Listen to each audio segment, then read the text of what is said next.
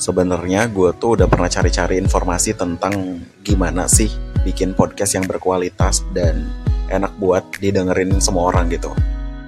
Di sini gue mungkin sasarannya bukan orang dewasa atau di bawah umur tapi remaja seumuran gue gitu. Kenalin, gue Rim, pembawa voice.rim. Voice kan, voice.rim.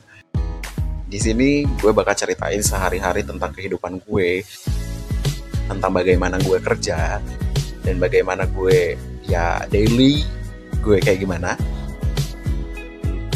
Kadang ada kerancuan dalam bahasa, kadang gue pakai aku kamu, kadang pakai gue lu, kadang gue pakai anda saya. Kadang gue campur bahasa Inggris, bahasa Indonesia, dan kadang-kadang pakai bahasa baku yang orang lain gak ngerti. Itulah gue. Dan di sini gue bakal ceritain semua tentang itu di episode-episode berikutnya. Jadi enjoy dengan story gue. Oke, okay, thank you.